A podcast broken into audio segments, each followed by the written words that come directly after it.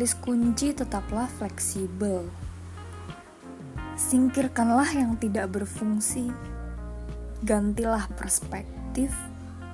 Peliharalah kemampuan untuk mengubah apa yang Anda lakukan untuk mendapatkan hasil yang Anda inginkan.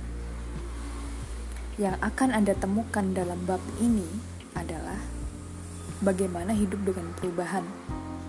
Bagaimana mengetahui ketika sesuatu tidak berfungsi keuntungan kecil yang dinikmati semua pengambil resiko. Ada sebuah quotes dari Bruce Barton. Jika Anda melewati perubahan, Anda akan terus maju. Begitu. Maju terus, buatlah perubahan. Kelak Anda justru akan berterima kasih pada diri sendiri karena melakukan hal ini. Orang-orang yang sudah berumur 80-an dan 90 tahunan 90-an tahun maksud saya yang sudah mendekati tahun-tahun akhir kehidupan panjang mereka menunjukkan kepada kita bahwa penyesalan mereka lebih banyak berkenaan dengan kesempatan untuk perubahan yang tidak mereka lakukan daripada yang mereka lakukan. Perubahan-perubahan yang telah diperhitungkan lebih sering berhasil daripada tidak. Pemain hoki Wayne Gretzky mengung mengungkapkannya seperti ini. Anda kehilangan 100% dari gol-gol yang tidak pernah Anda coba. Lalu, mengapa orang-orang tidak membuat lebih banyak perubahan? Apa yang mencegah mereka mengupayakan sesuatu yang baru? Jawabannya adalah kenyamanan, kesenangan hidup, ketakutan pada sesuatu yang tidak diketahui. Menggunakan metode lama memang terasa lebih mudah. Meskipun hal itu sering kali tidak benar. Ketika Anda telah memutuskan ini saatnya untuk berubah, bagaimana Anda memutuskan arah tindakan yang baru? Jadilah seorang pencari.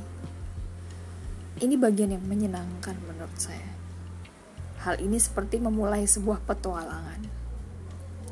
Anda dalam pencarian untuk ide, metode, dan pendekatan yang baru Sebaik apa Anda menangani perubahan?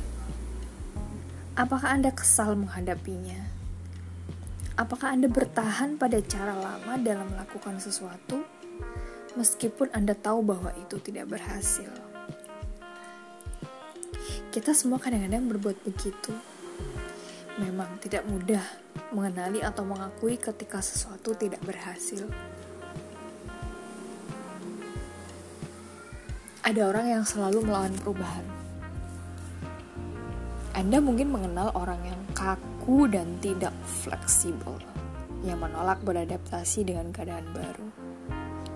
Tetapi saya ingin bertanya, berapa banyak orang kaku yang sangat sukses yang Anda kenal?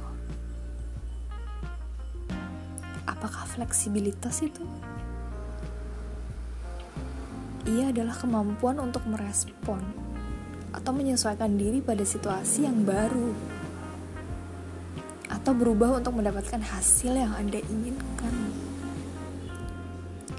Ia adalah kemampuan untuk meninggalkan apa yang tidak berhasil dan menemukan apa yang berhasil.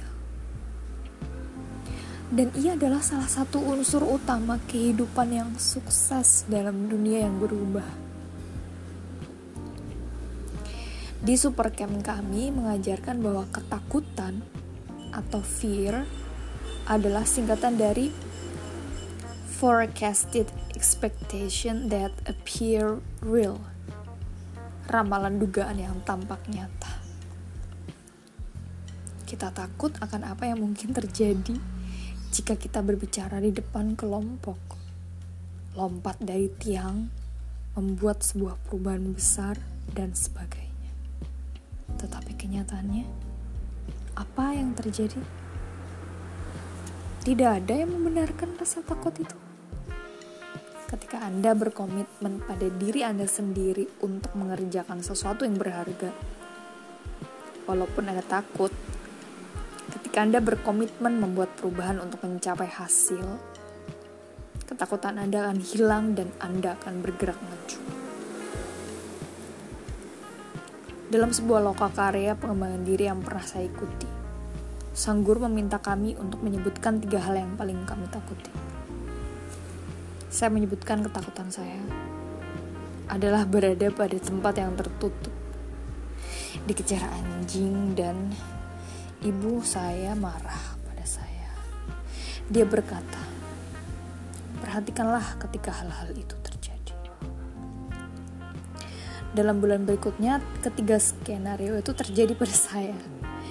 Saya terperangkap di dalam lift. Dalam perjalanan ke sebuah pertemuan, saya menghadapi tiga ekor anjing marah yang secara misterius berbalik dan lari beberapa saat sebelum mereka menyentuh saya. Dan saudara perempuan saya menelepon untuk mengabarkan bahwa ibu kami telah marah pada saya karena tidak lebih terbuka dengannya. Saat ketakutan itu muncul, satu demi satu saya berpikir, oh seperti ini yang saya takutkan itu. Dan saya bergerak melewatinya. Sesungguhnya bukan menghadapi ketakutan itu yang menakutkan, melainkan antisipasi atas kejadian yang menakutkan itulah yang menyebabkan ketidaknyamanan. Apakah hal itu terjadi atau tidak? Ketika Anda berfokus pada hasil, bukan pada ketakutan, Anda bisa melewati